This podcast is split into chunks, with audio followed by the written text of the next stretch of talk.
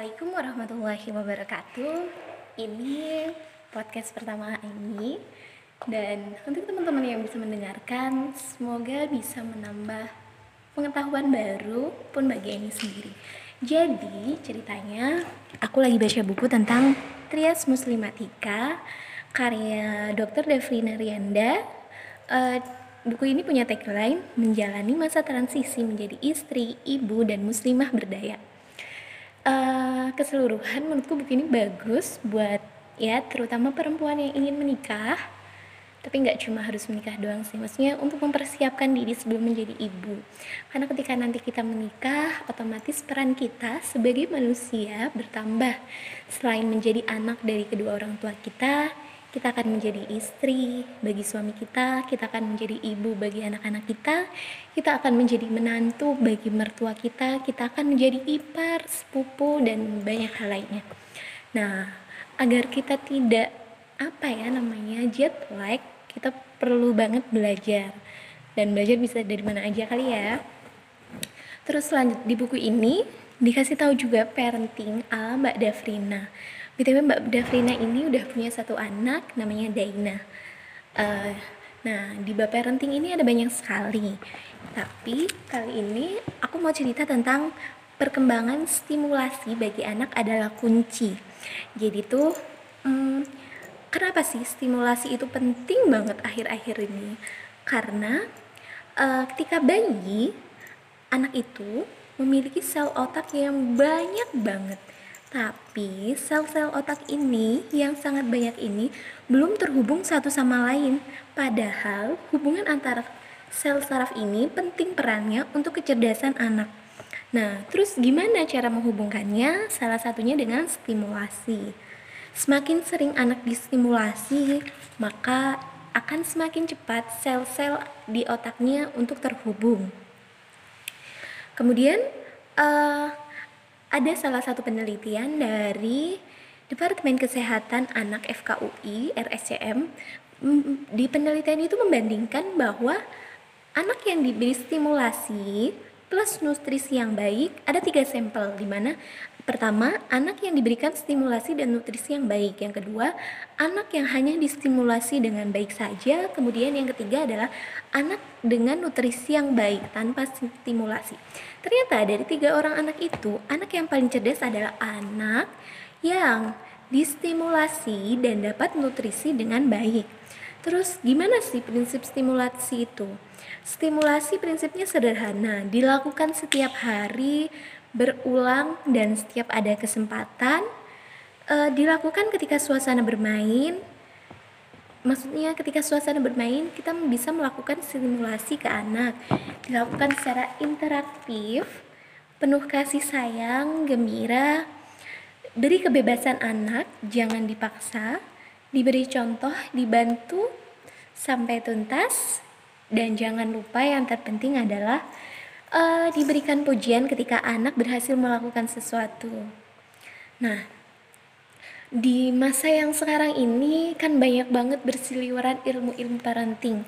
Entah dari buku, entah dari Instagram, entah dari omongan tetangga.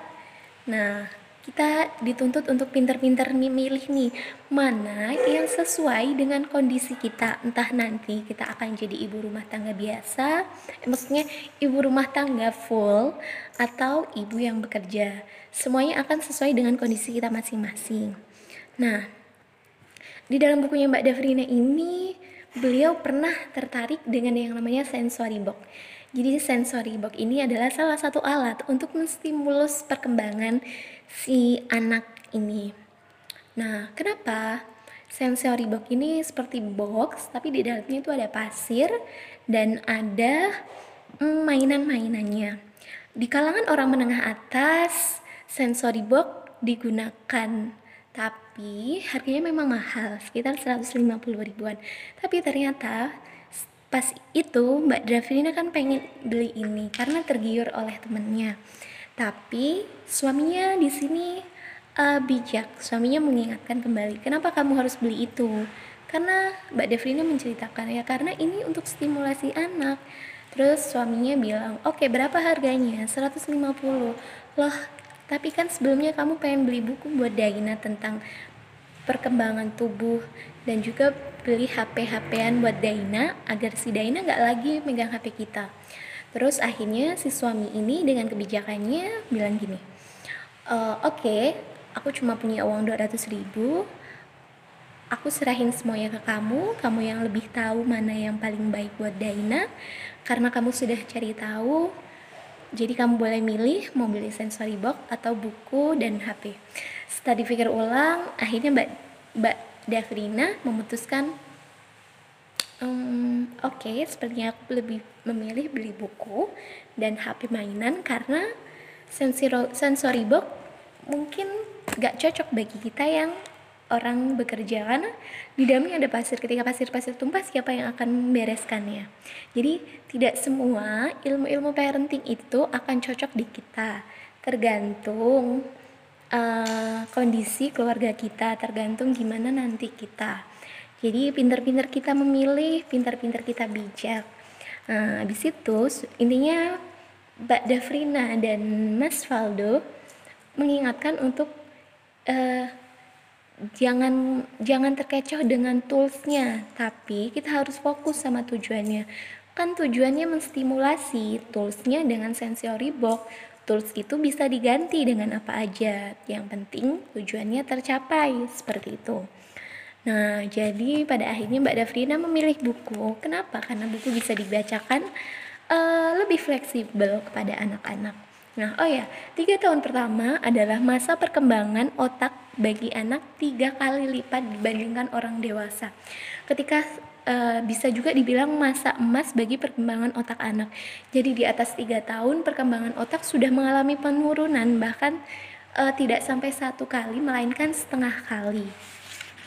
Jadi kita harus benar-benar bisa memanfaatkan tiga tahun pertama anak sebagai tahun emas bagi mereka untuk mendapatkan stimulasi terbaik dari kita sebagai orang tuanya. Nah, terus bagaimana ketika kita posisinya sebagai ibu yang bekerja, tidak punya waktu full bersama anak di rumah sementara anak sedang dalam masa emas perkembangan otaknya, maka Mbak Davrina juga menceritakan bahwa sebagai seorang ibu baru, mengasuh anak sembari bekerja, kita tidak boleh excuse atau memberi kelonggaran untuk anak tidak mendapatkan stimulus. Meskipun kita bekerja, kita harus tetap memberikan stimulus kepada anak. Uh, stimulus ini kan bisa dilakukan berulang-ulang atau malah justru sangat dianjurkan berulang-ulang, direpetisi.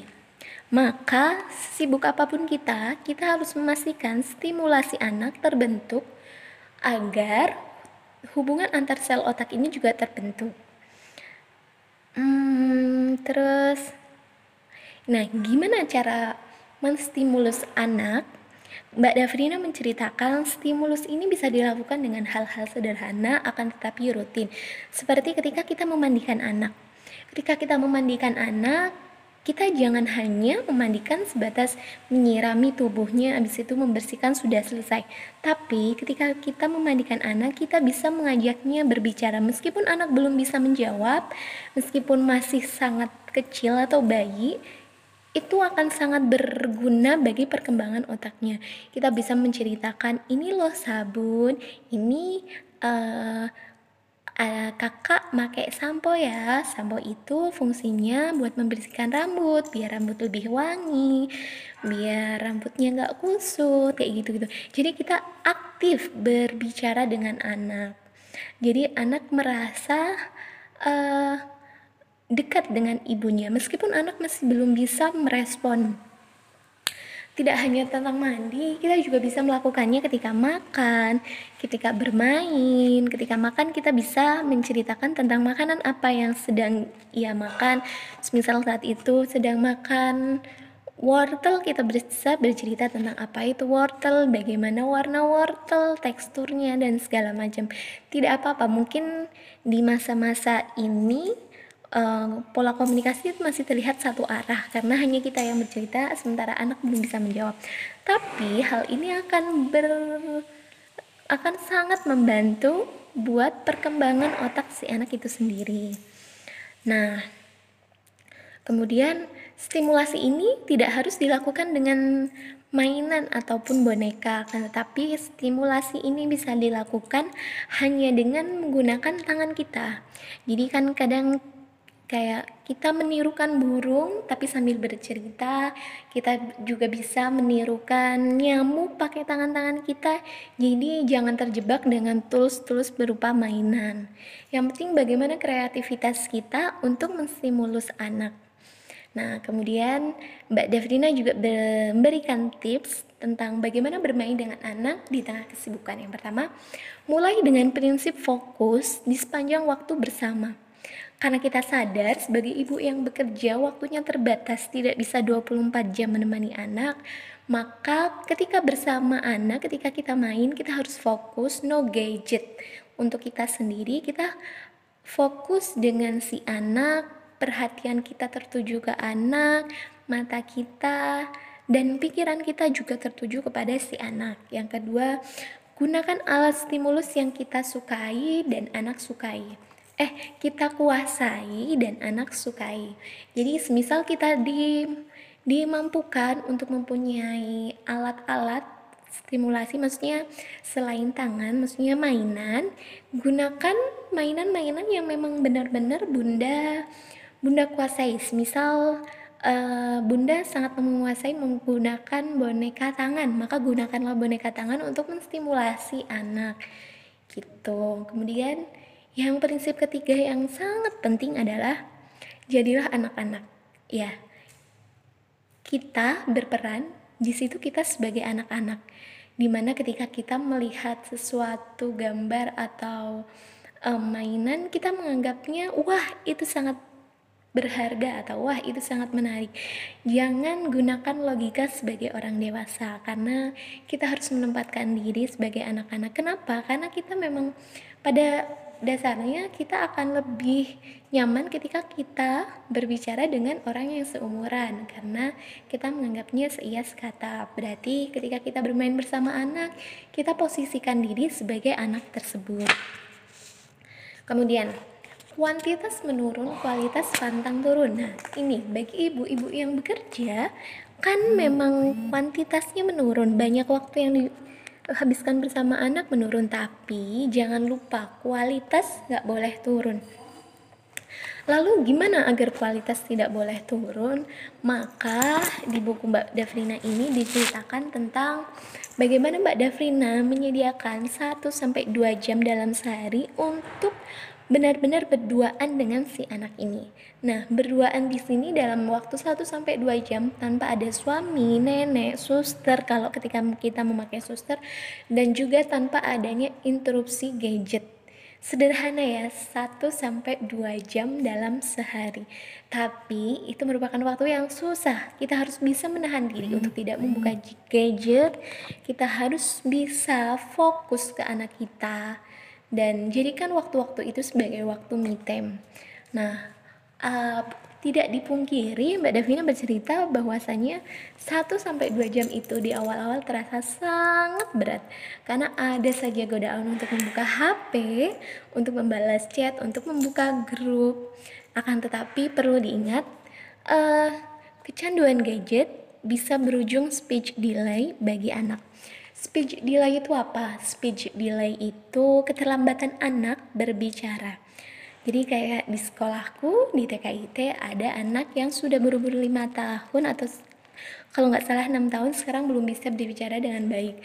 Ternyata setelah diteliti orang tuanya sudah membiasakan gadget sedari kecil. Jadi anak tidak diajak untuk berinteraksi dua arah melainkan hanya satu arah. Nah, jadi ketika kita sangat tergoda untuk membuka gadget, ingat-ingat lagi.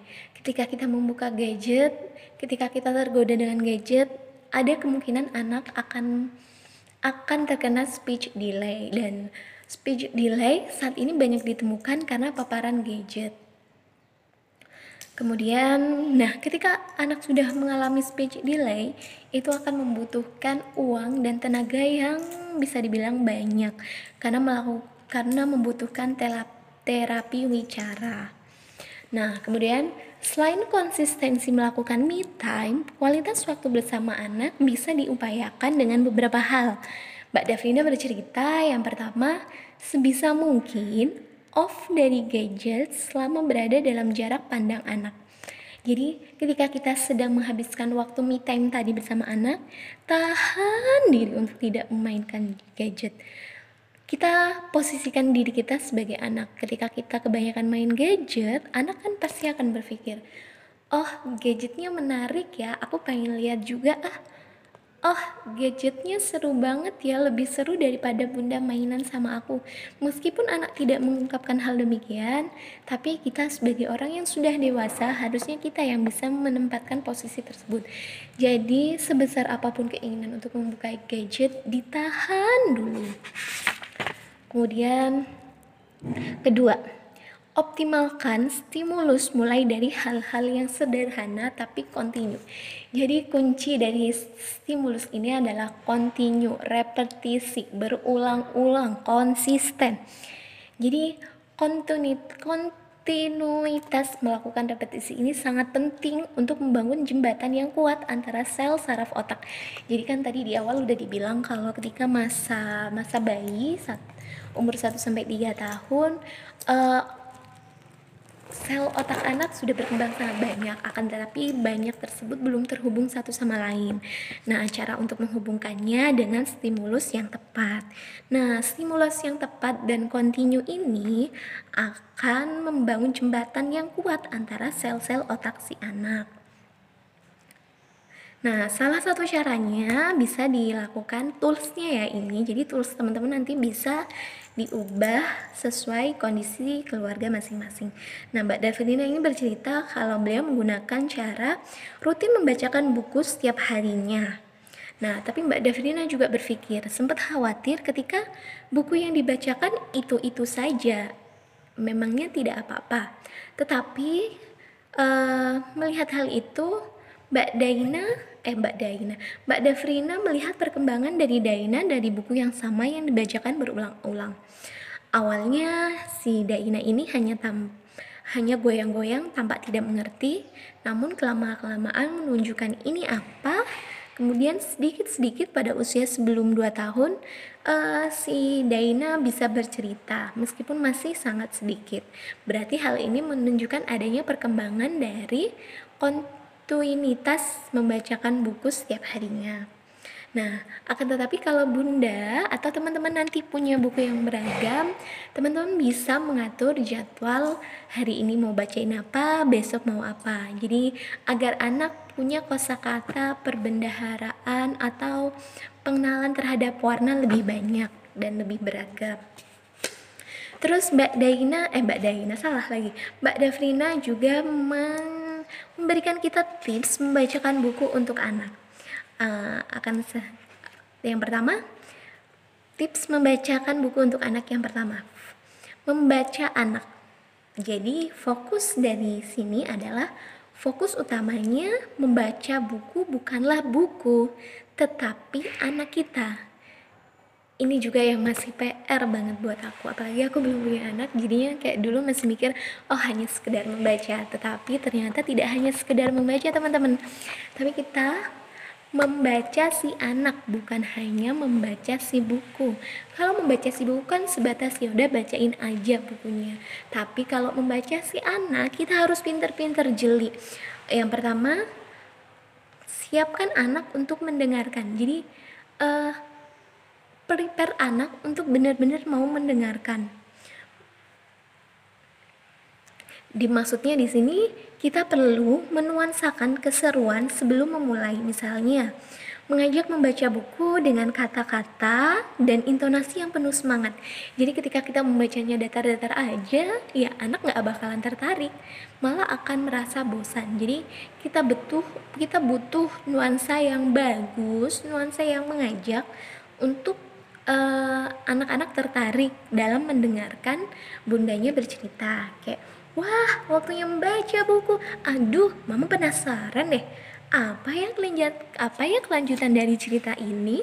Teman-teman bisa eksplorasi nada-nadanya sendiri sesuai kreasi teman-teman. Nah yang kedua kita perlu membaca emosi anak selama dibacakan. Jadi kita yang dimaksud kita jangan hanya fokus dengan buku kita harus fokus dengan anak. Ya kita amati bagaimana respon si anak ketika dibacakan buku. Jika emosinya tidak masuk ke dalam cerita nah ini nih jadi tugas bagi bunda buat lebih gencar dalam melarutkan perasaan anak untuk meningkatkan keterikatan antara cerita dengan si anak. Nah perlu diketahui bahwa konsentrasi anak hanya optimal pada 10 sampai 15 menit. Jadi pinter-pinter kita bagaimana membacakan cerita, bagaimana menuansakannya, bagaimana intonasi membuat menarik cerita tersebut. Nah, oh iya, info lagi bahwa pada masa prasekolah anak bisa fokus sampai maksimal 12 halaman.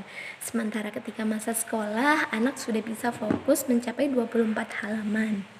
Nah, kenapa ini penting? Karena ketika kita tidak bisa menggugah emosi anak buat terikat dengan si cerita, ia akan sangat mudah meninggalkan kita dan buku cerita tersebut. Yang kedua tips dari tips kedua dalam membacakan buku cerita adalah kita adalah pemimpinnya. Jadi prinsip membacakan buku bagi anak bukanlah membaca, melainkan memaknai apa yang dibaca.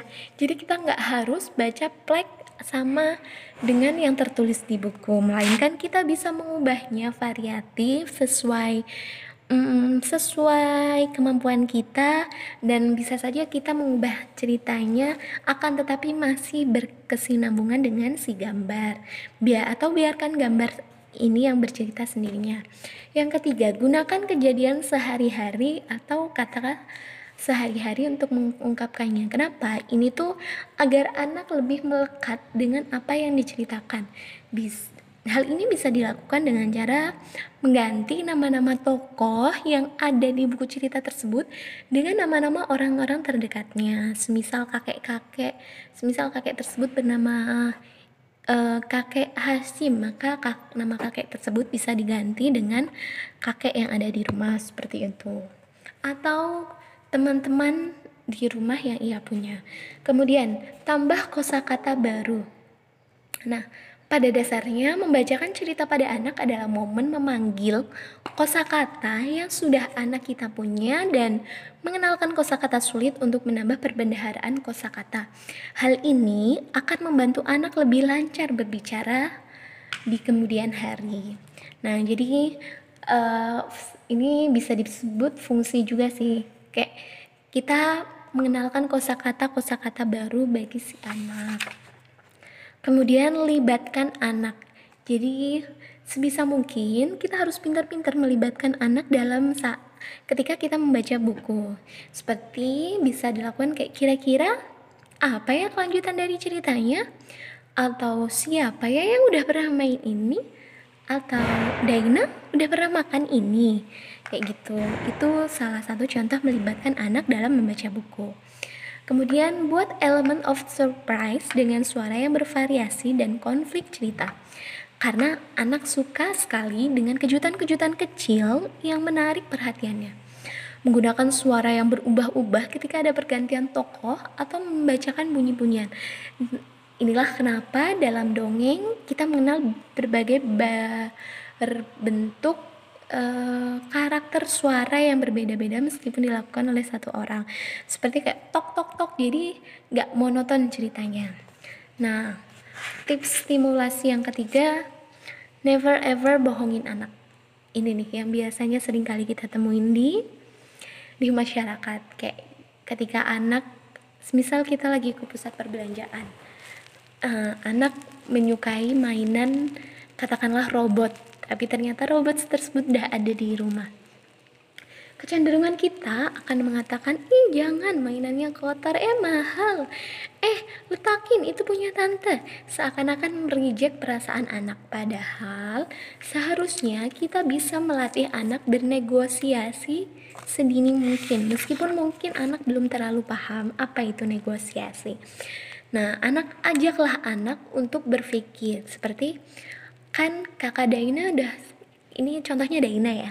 Kan kakak Daina udah punya mainan ini di rumah. Kasihan ya mainannya di rumah udah lama nggak dimainin atau kan bunda uh, kan kita sudah ditunggu sama ayah di mobil. Berarti nggak boleh lama-lama. Atau kan ini punya tante kalau mau Daina harus beli harus pakai uang nggak bisa asal ambil gitu-gitu. Intinya bagaimana kreativitas kita untuk mengajak si anak ini bernegosiasi dengan bahasa anak tentunya.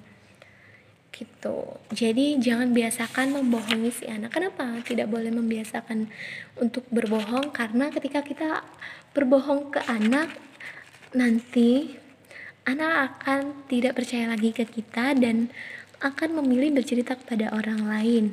Yang kedua, anak akan rendah percaya dirinya. Begitu kira-kira yang bisa aku share hari ini dari buku Trias Muslimatika karya Davrina Rianda eh Dokter Davrina Rianda tentang stimulasi bagi anak dalam masa perkembangan otaknya. Terima kasih teman-teman, semoga bermanfaat. Assalamualaikum.